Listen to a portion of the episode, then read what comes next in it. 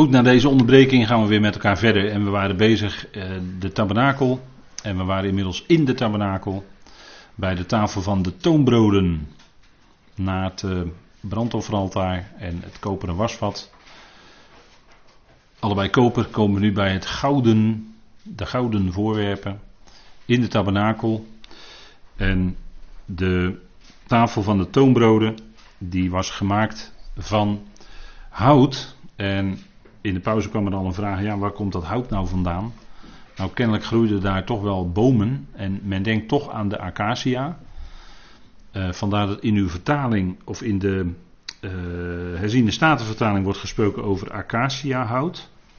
En een acaciaboom, u ziet daar een afbeelding, die groeit wel in de woestijn. Dus die groeit op een plaats waar weinig water is, maar die boom die groeit daar wel. En die acaciaboom die kenmerkt zich door heel hard. Dat heeft heel hard hout. En het woord wat in de Hebreeuwse grondtekst gebruikt wordt is sittim. Vandaar dat ik toch wil spreken over sittimhout. En dat is het letterlijke Hebreeuwse woord. En dat is natuurlijk niet voor niks. We moeten goed bij de grondtekstwoorden blijven. De tafel werd gemaakt van sittimhout. En als ik het goed heb, is het in de Statenvertaling ook zo opgenomen. Is het woord sittim ook gebruikt. En dat is terecht, dat is gewoon letterlijk het Hebreeuwse woord. En dat spreekt van de mens. En dat hebben we in eerdere keren met de bespreking van deze tabernakel ook gezien. Het hout spreekt van de mens. En het acacia, het is waarschijnlijk acaciahout. Uh, dat is heel hard hout.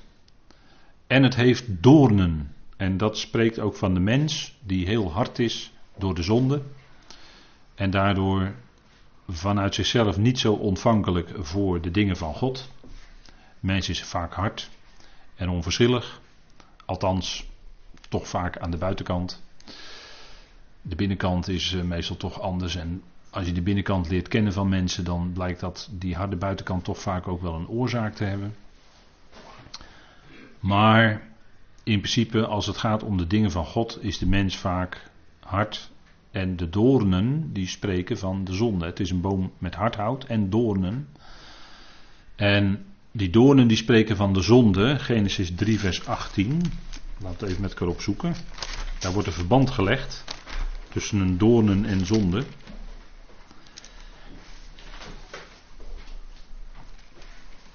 En lees ik met u even vanaf vers 17, Genesis 3. En tegen Adam zei hij, omdat je geluisterd hebt naar de stem van je vrouw en van, en van die boom gegeten hebt, waarvan ik u gebood, u mag daarvan niet eten, is de aardbodem omwille van u vervloekt. Met zoegen zult ge daarvan eten, al de dagen van je leven. Dorens en distels zal hij voor je laten opkomen. En je zult het gewas van het veld eten. In het zweet van je aangezicht zul je je brood eten, totdat je tot de aardbodem terugkeert omdat je daaruit genomen bent. Want stof ben je en tot stof zul je terugkeren. En stof is eigenlijk de bovenste laag van de aardbodem hier. Hè? Daar wijst het Hebreeuwse woord op. Adam werd genomen uit Adama. Nu zeg ik het even op zijn Hebreeuws.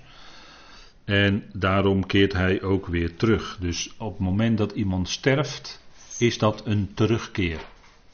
Dat leert de schrift, hè? Sterven is een terugkeer. Dan keert het lichaam terug tot bovenste laag van de aardbodem. Dan keert de geest, oftewel de levensadem, naar prediker 12 terug naar God. En de ziel, die keert terug naar onwaarneembaar, om het zo maar eens te zeggen. Want de ziel was daarvoor niet waarneembaar en is na het sterven ook niet meer waarneembaar. Die is er gewoon helemaal niet meer. Weg. Dat is ook wat het woord Sha'al in het Hebreeuws zegt. Of waarvan Sheol is afgeleid. Als het woord Sheol door een Hebreeër uitgesproken wordt, iemand die Hebreeuws kent, dan tekent hij een groot vraagteken. Want het woord Sheol of Sha'al, Sha'ul betekent eigenlijk vragen. Dus als je zegt, waar is die overleden nu? Dan zegt hij, dat vraag ik me af. Die is er niet meer. Dus die ziel die er was, want de mens is een ziel. Mens is een ziel. Dus zoveel spraakverwarring hè. Tussen ziel en geest. En ook in theologie zelfs haalt men ziel en geest door elkaar. Maar een ziel is er niet meer als lichaam en geest uit elkaar gevallen zijn. Dat gebeurt bij het sterven. Dan keert het lichaam terug tot stof. En de geest, de levensadem, keert terug tot God die hem gegeven heeft. En de ziel, die is er dan niet meer. Want die verbinding tussen geest en lichaam is weg. En als die verbinding weer terugkomt in de opstanding, dan is die ziel er dus ook weer. Dan is die mens er ook weer. En in de tussentijd is die ziel er gewoon niet. Die is er niet.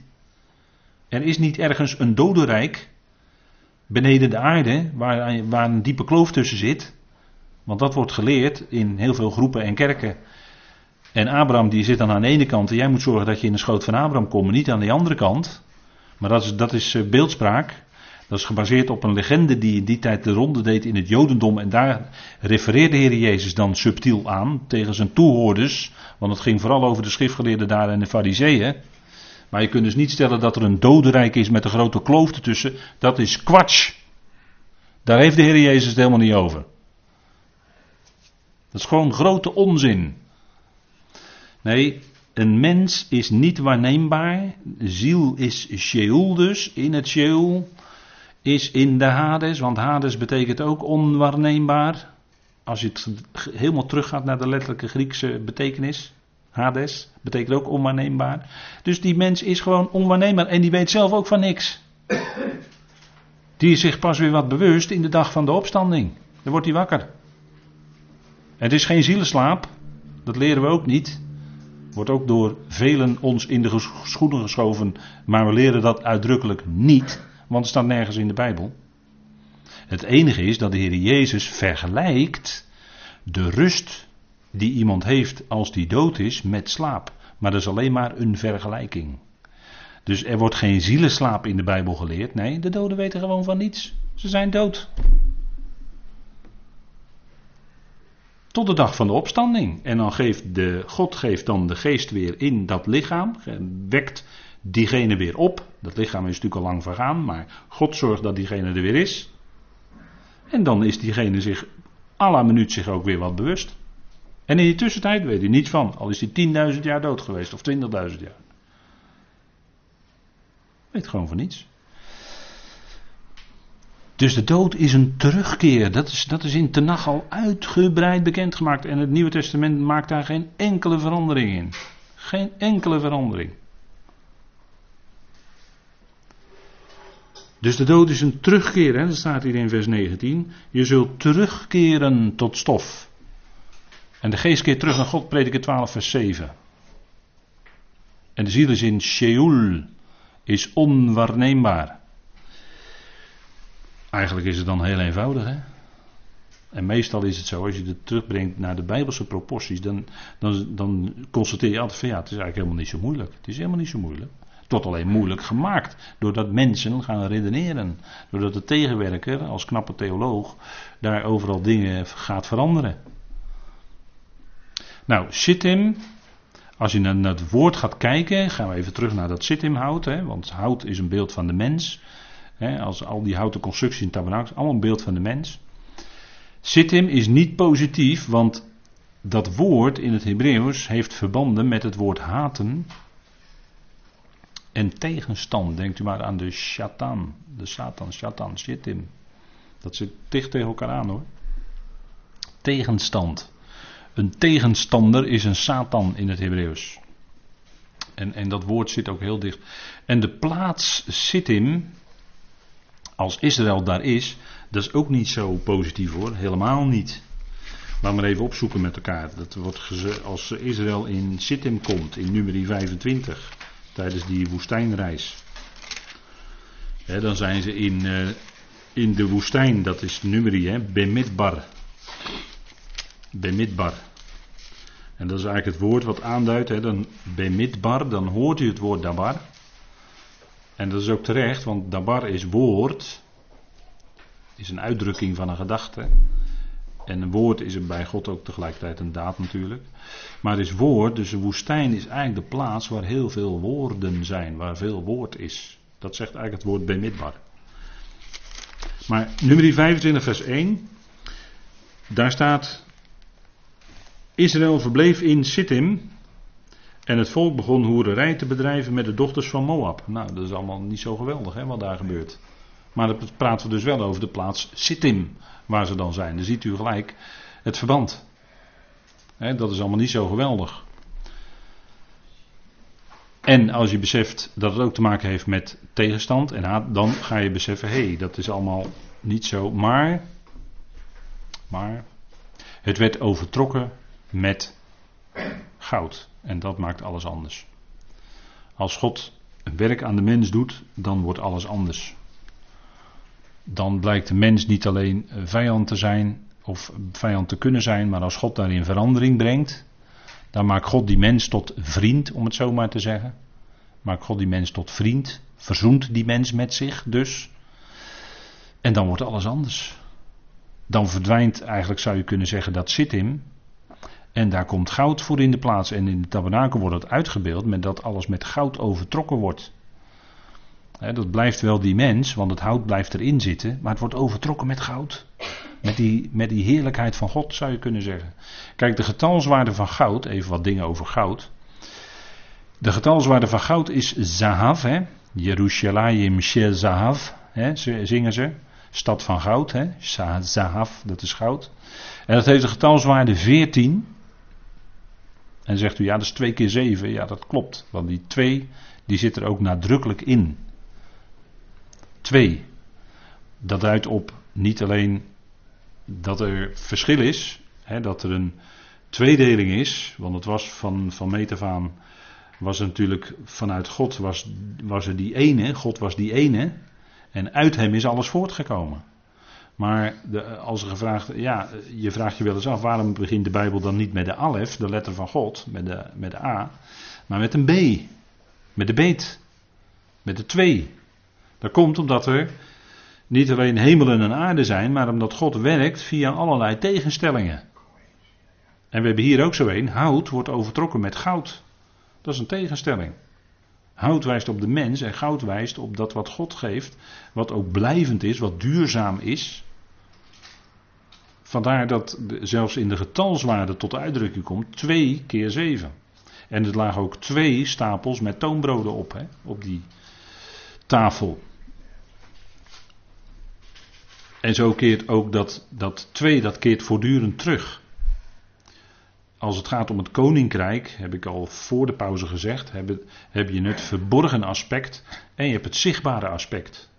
dat hebben we ook gezien bij de tabernakel, toen we Hebreeën lazen, Hebreeën 8. Dat er een zichtbare tabernakel op de aarde is, maar ook een onzichtbare tabernakel, een tegenbeeld van het. en de, op aarde is een tegenbeeld van de ware in de hemelen, maar er is dus ook een onzichtbare tabernakel. Heb je ook weer twee, hè? dus die tegenstelling. Onzichtbaar en zichtbaar. En zo heb je Heel veel dingen. Licht en duisternis. Was gelijk al in Genesis 1, vers 2. Er was duisternis en God zei: Er zij licht. Licht en duisternis. Liefde en haat. Goed en kwaad. Door al die tegenstellingen onderwijst de, Heer de mens. En daar moet hij ook doorheen gaan. Daarom moet de mens ook zondaar zijn en zondigen om te kunnen ervaren wat die redding en die heerlijkheid van God inhoudt. Dat is ook zo'n tegenstelling. En David, het woord David in het Hebreeuws, is ook getalswaarde 14. Dat is wel bijzonder, hè? De geliefde. Goud is het sterkste edelmetaal, heeft een hele sterke cohesie. goud is daarom ook heel erg kostbaar en waardevast. je kunt uh, met een kilo goud, om het zo maar te zeggen, met een klomp goud, kun je, uh, kon je 100 jaar geleden hetzelfde kopen als wat je nu nog steeds met diezelfde klomp goud kan kopen, omdat het waardevast is. Verliest zijn waarde niet. Het heeft een sterke cohesie. Er is gezegd door een uitlegger dat als je 1 gram goud neemt, dan kun je daar een draad van maken van 35 kilometer lang. Die draad die zie je dan niet meer, die is natuurlijk flinterdun. Maar de, die draad die breekt niet. Zo sterk is goud, zegt men. Hè? Dus dat wil zeggen dat uh, goud natuurlijk van dingen spreekt. Hè? Als goud nou zo sterk is en zo waardevast en zo hè, on, on, eigenlijk nauwelijks slijtbaar en dat soort dingen. Hè? Dat, is, uh, hè, dat is natuurlijk uh, heel mooi dat dat voorbeeld zo in de schepping aanwezig is. Maar dat spreekt van heerlijkheid en onverderfelijkheid. Daar spreekt het goud van. Het spreekt ook van opstanding. Het is niet alleen die mens die blijft, dat hout is niet alleen blijvend, nee, het wordt overtrokken met goud. En dat spreekt eigenlijk van de mens die die heerlijkheid en opstanding van God ontvangt. Goud, de, de goud spreekt eigenlijk van de blijvende heerlijkheid in de opstanding. Blijvend leven. Daarom bij dat zittimhout overtrokken met goud. Daar spreekt het van. En het is de mens die dan heerlijkheid en onverderfelijkheid ontvangt. En zo was Christus natuurlijk zelf mens. En ontving zelf als eerste die heerlijkheid en onverderfelijkheid en onsterfelijkheid in de opstanding. Nou, dat, is toch, uh, dat zijn denk ik toch hele bijzondere dingen. Hè? En goud, dat spreekt ook van de godheid van God. God is werkelijk God. Hij doet naar wat hij gezegd heeft. Hij vervult zijn beloften. Hij laat niet los wat zijn hand begon. Dat is die vastheid die je ook in goud terugziet. Hè? En God houdt ook die hele schepping in stand. In Christus wordt, heeft het al zijn samenhang, zegt Colossense. Dat, dat woord samenhang kun je dan heel mooi met cohesie weergeven. Dat wil zeggen dat hij degene is die alles vasthoudt. Daar, daar spreekt het goud natuurlijk van. Goud spreekt van de godheid van God. Dat hij werkelijk God is en dat hij bij macht is ook om het plan wat hij zich ooit heeft voorgenomen om het uit te voeren. Maar hij voert dat plan ook uit, stap voor stap. Hij zal dat ook doen wat hij beloofd heeft. En dat is ook wat, uh, wat Paulus dan gebruikt hè, als beeld in 1 Korinthe 3. Als de, de, de leraren eh, die zouden bouwen met goud, zilver en kostbare stenen. En niet met hout, hooi en stro. En dat goud, dat is die godheid van God. Leraren in de gemeente zouden naar voren brengen dat God werkelijk God is en dat Hij boven alles staat, dat Hij alles in handen heeft en dat Hij zijn plannen uitvoert. En dat God het degene is die alles bewerkt. Er blijft niets van het werken van de mens over. Mens kan niets bijdragen aan Gods werk, want God bewerkt het allemaal zelf. Hij werkt het allemaal zelf uit. Dat hebben we ook in de geschiedenis van de farao gezien. Dat hij weliswaar inging tegen de wil van God, maar daartoe moest God hem sterk maken. Moest God zelf zijn hart verharden. Opdat hij tegen Gods geopenbaarde wil zou kunnen ingaan. Maar tegelijkertijd werkte God zijn verborgen bedoeling daarmee uit. Ziet u dat God alles bewerkt? En ook in de gemeente, en dat is voor, voor sommigen is dat uh, moeilijk te verteren in de uh, gemeenteleden. Dat, dat hoor ik wel eens zo terug. Maar we hebben met de bespreking van de Filipijnsbrief gezien dat uh, dat is de hoogste overweging dat God het is die zowel het willen als het werken in ons bewerkt. Dat is God die dat doet. Dat is de hoogste overweging. En natuurlijk geeft Paulus allerlei aanwijzingen, allerlei dringende adviezen voor ons gedrag en onze wandel. Prima om dat tot te nemen, prima om daardoor aangesproken te worden, maar uiteindelijk is God het die alles in de gemeenteleden bewerkt. En dat is ook zo, dat zegt Paulus in feite al in 1 Korinthe 12. Als je het heeft over de gaven en de, en de bekwaamheden van gemeenteleden. Dan zegt hij dat God het is die het alles bewerkt maar als het gaat om echt om ons dienstbetoon en onze wandel, dan is dat woord uit Filippenzen 2 is leidend hoor. Dat is de hoogste overweging. Nou, dat is de godheid van God. Dat is een aanstoot voor veel gelovigen hoor, deze dingen. maar dat, dat komt omdat er van jou dan even niets overblijft. Ja, God gebruikt jou en je bent waardevol voor Hem, zeker. Hij heeft je lief. Maar uiteindelijk, als we alles uitanalyseren, en terugvoeren, dan komen we terecht bij God, die het alles bewerkt. En, en dat is ook met het hele grote wereldgebeuren. Waarvan wij zeggen, ja, dat is nu chaotisch, dat is het ook. Als je alle berichten op je af laat komen, dan, zeg je, nou, het is, het is een zootje, het is chaos. Maar niettemin, God werkt daar doorheen zijn plan uit en het moet nu zo zijn. Zoals het nu is, dat moet nu zo zijn. Maar het zal niet zo blijven, dat is het punt. Hè? We zijn op weg door dat lijden heen naar heerlijkheid. En God zal al die mensen die zo vreselijk geleden hebben en gestorven zijn. En, en onlangs hebben we nog uh, terecht, uitvoerig, dringend stilgestaan bij, bij 75 jaar bevrijding Auschwitz. Dat was verschrikkelijk. Maar al die mensen die daar in de meest verschrikkelijke omstandigheden gestorven zijn, dat, dat kun je gewoon niet bedenken. een schrijver die een boek daarover schreef en getuige heeft gehoord, die zei ook: Je kan eigenlijk met de taal kan je niet Auschwitz-Birkenau benaderen. Dat is zo erg, dat kun je niet in woorden vatten. En ik vond het heel terecht gezegd door die schrijver. Het was een Joodse schrijver. En, maar al die, wat wij wel mogen weten is dat al die gedoden, die zullen weer leven. God zal ze weten te vinden. Zij zullen leven. Zij zullen opstaan. En dat is de hoop en de verwachting en de troost die wij hebben. Zij zullen daar weer zijn. God zal ze niet vergeten. Hij vergeet niemand. En dat is het geweldige, hè? dat is onze, onze troost en bemoediging hebben als, als, we, als je over die dingen leest, als je over die dingen hoort. Zeer indrukwekkende getuigenissen. Maar nochtans zal God ze weten op te wekken en hij zal ze terugvinden. Natuurlijk, natuurlijk zal hij ze doen leven. En de grote witte troon komt ook. Dan zegt u ja, er waren misdadigers bezig, tot en met. Zeker, zeker. Maar de grote witte troon komt ook. En dat is niet zomaar wat. maar hij zal die heerlijkheid laten zien dat hij werkelijk God is. Als hij uiteindelijk al die mensen opwekt. En uiteindelijk ook al die mensen levend maakt. Dat is zijn heerlijkheid. En dat zal hij bewerken ook. Dat is de godheid van God. Daar, daar, kun, je niets, daar kun je niets van afdoen dat de God die bewerkt dat allemaal zo uit. En wij zijn mensen, wij zijn God niet. En we hebben misschien allerlei vragen daarover. Die kunnen we later echt wel bij de Heer kwijt hoor. En daar zullen we dan antwoord op krijgen. En het zilver, hè, 1 Korinthe 3, wordt gesproken over goud, zilver en kostbare stenen. Nou, zilver is de verzoening. En kostbare stenen is de rechtvaardiging. Dat zijn de hoofdelementen, de drie hoofdelementen van het evangelie zoals Paulus dat mocht brengen. Dat zouden leraren leren in de gemeente aan gelovigen, wereldwijd. Dat zou moeten klinken. dat is het evangelie wat voor vandaag geldt.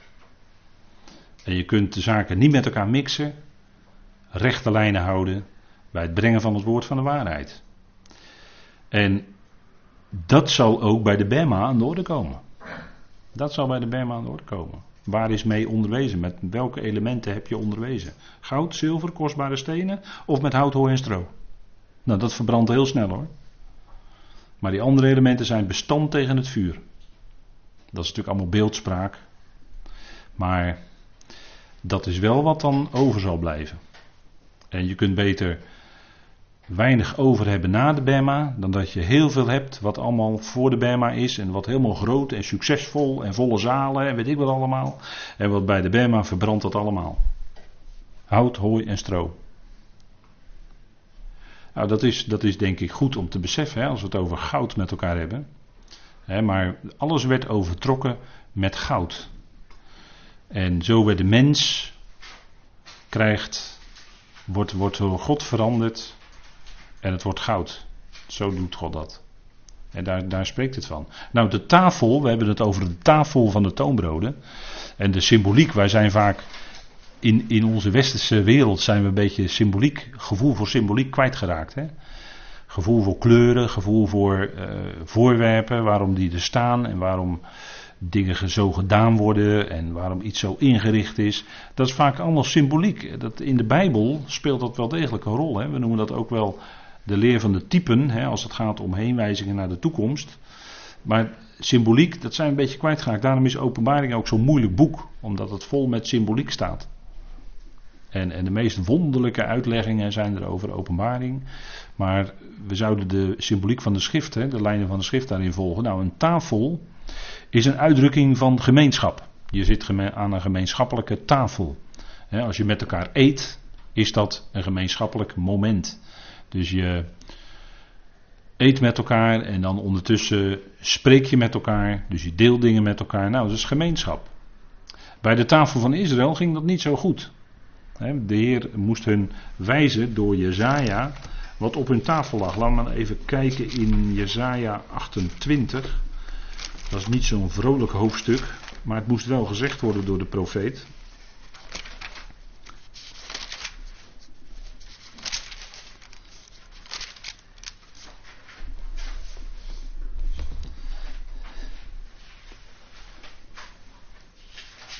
Jezaja 28.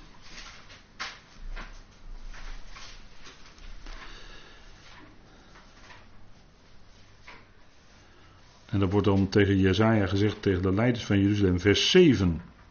Er wordt gezegd tegen de leiders van Jeruzalem. Hè? De, ook deze zwalken van wijn dwalen rond door sterke drank. Priester en profeet zwalken door sterke drank. Ze zijn opgeslokt door de wijn. Ze dwalen rond door de sterke drank. Ze zwalken bij het uitleggen van het visioen. Ze struikelen tijdens hun gerechtelijke uitspraak. Ja, alle tafels zitten vol walgelijk braaksel. Geen plek is schoon. Wie kan hij dan de kennis bijbrengen? Wie kan hij dan het gehoorde doen begrijpen?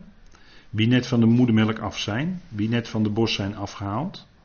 Want het is gebod op gebod, gebod op gebod, regel op regel, regel op regel. Hier een beetje, daar een beetje. Ja, met belachelijke klanken. En in een andere taal zal hij tot dit volk spreken. Nou, dus op die tafel van Israël lag niet veel goeds meer. Er was geen ruimte meer voor het woord van God zelf. De, de leiders van het volk hadden ervan gemaakt in hun geestelijke dronkenschap, zeg maar, in hun roes. Gebod op gebod, regel op regel. Ze hadden Gods woord laten verworden tot allerlei gebodjes die, waaraan men zich moest houden. En zo niet, dan was het verschrikkelijk. En plus alles de gebodjes die erbij hadden gemaakt. Hè? Want dat gebeurt ook. En gebeurt vandaag de dag nog steeds. Ja, als je dan in gemeentes of uh, geloofsgroepen komt, dan denk je het, is, het lijkt hier wel gebod op gebod, regel op regel. En zo was er geen ruimte meer voor de, dat wat gehoord wordt om dat te kunnen begrijpen. Hè? Vers 9. Wie kan hij dan de kennis bijbrengen? Wie kan hij dan de gehoorde doen begrijpen? Want de tafels lagen vol. Maar niet met waar het mee vol moest liggen. Eh, de, de vertaling zegt hier zelfs walgelijk braaksel. Vreselijk. En dat, dat, dat, dat wordt dan hier ingevuld als gebod op gebod, regel op regel. Moet je nagaan dat, dat is de directe context hier, dat is de context. Maar dat, dat alles, dat moest van die tafels af. En daarvoor moest Gods woord in de plaats komen. En waarom denkt u dan dat de Heer Jezus de tafels van de wisselaars omkeerde? Ze waren bezig, die hele offerdiensten, voor winstbejag. Ze verkochten dan die dieren en weet ik wat allemaal met winstbejag en de geld wisselen. Er werd geld gewisseld, er werd geld aan verdiend, de handel. de handel in geld. Er wordt vandaag aan de dag, wordt 24 uur per dag, 7 dagen per week, wordt op de Forex, wordt in, in uh, valuta gehandeld. Dat gaat altijd door. Daar kan je geld mee verdienen, maar je kan er ook veel geld mee verliezen trouwens hoor. Dat kan ook. Als je niet, uh, niet ter, ter, kundig bent, verlies je er geld mee. Maar daar werden de, de, de tafels omgekeerd door de Heer. En hij zei: Jullie hebben het huis van mijn vader tot een, tot een koopmanshuis gemaakt. Het ging om de handel, het ging om winstbejag. En, en dan hoef ik u niet te vertellen over eh, mensen die een welvaartsevangelie prediken.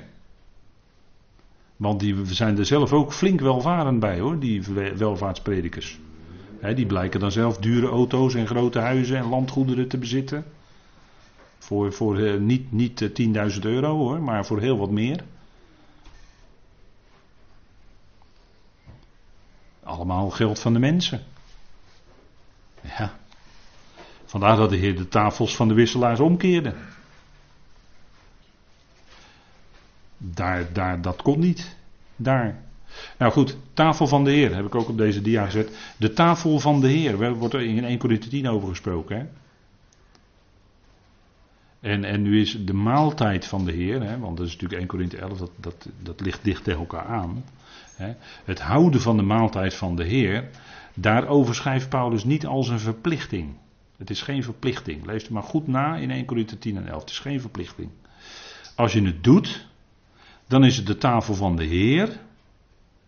En dan nodigt de Heer dus een ieder uit die wil deelnemen. En iedere gelovige die daaraan wil deelnemen is dus welkom, want het is niet onze tafel. Als je het doet, is het de tafel van de Heer. Hè? En iedereen, iedere gelovige die daaraan wil deelnemen, die kan deelnemen. Dat is vrij. Wij bepalen dat niet. Daar gaat hij over, dat is de zaak van de Heer. Dat zegt Paulus toch in 1 Corinthië 10. Het is de tafel van de Heer. En dan zegt hij erbij, in die gemeente in Korinthe was natuurlijk nog flink wat aan de hand. Maar dan zegt hij erbij, je kunt niet tegelijkertijd aan de tafel van de Heer deelnemen en aan de tafel van de demonen. Die, die konden de Corinthiërs in hun zak steken hoor. Dat was een duidelijke uitspraak. maar eh, als, we, als we in onze tijd, ja, ligt dat waarschijnlijk toch wel wat, wat, wat anders. Tafel van demonen, ja, dat is nogal wat. Dat is nogal wat. Maar veel mensen zijn misschien soms toch ongemerkt kunnen ze, ik zeg niet gelovigen, maar veel mensen in deze samenleving zijn zonder dat ze het beseffen toch bezig met demonen. En dat moet ik dan misschien maar heel zacht zeggen. Hè, maar als we het hebben over reiki of yoga en dat soort aanverwante artikelen, dan dat is niet, dat is, om het maar op zijn Joods te zeggen, dat is niet kosher hoor. Want dan ben je echt bezig met, zonder dat je het beseft, je denkt dat het ontspanningsoefeningen zijn, maar ondertussen kom je heel snel in contact met machten. Dat blijkt niet direct, maar dat blijkt later wel, als je dan met geloof in aanraking komt.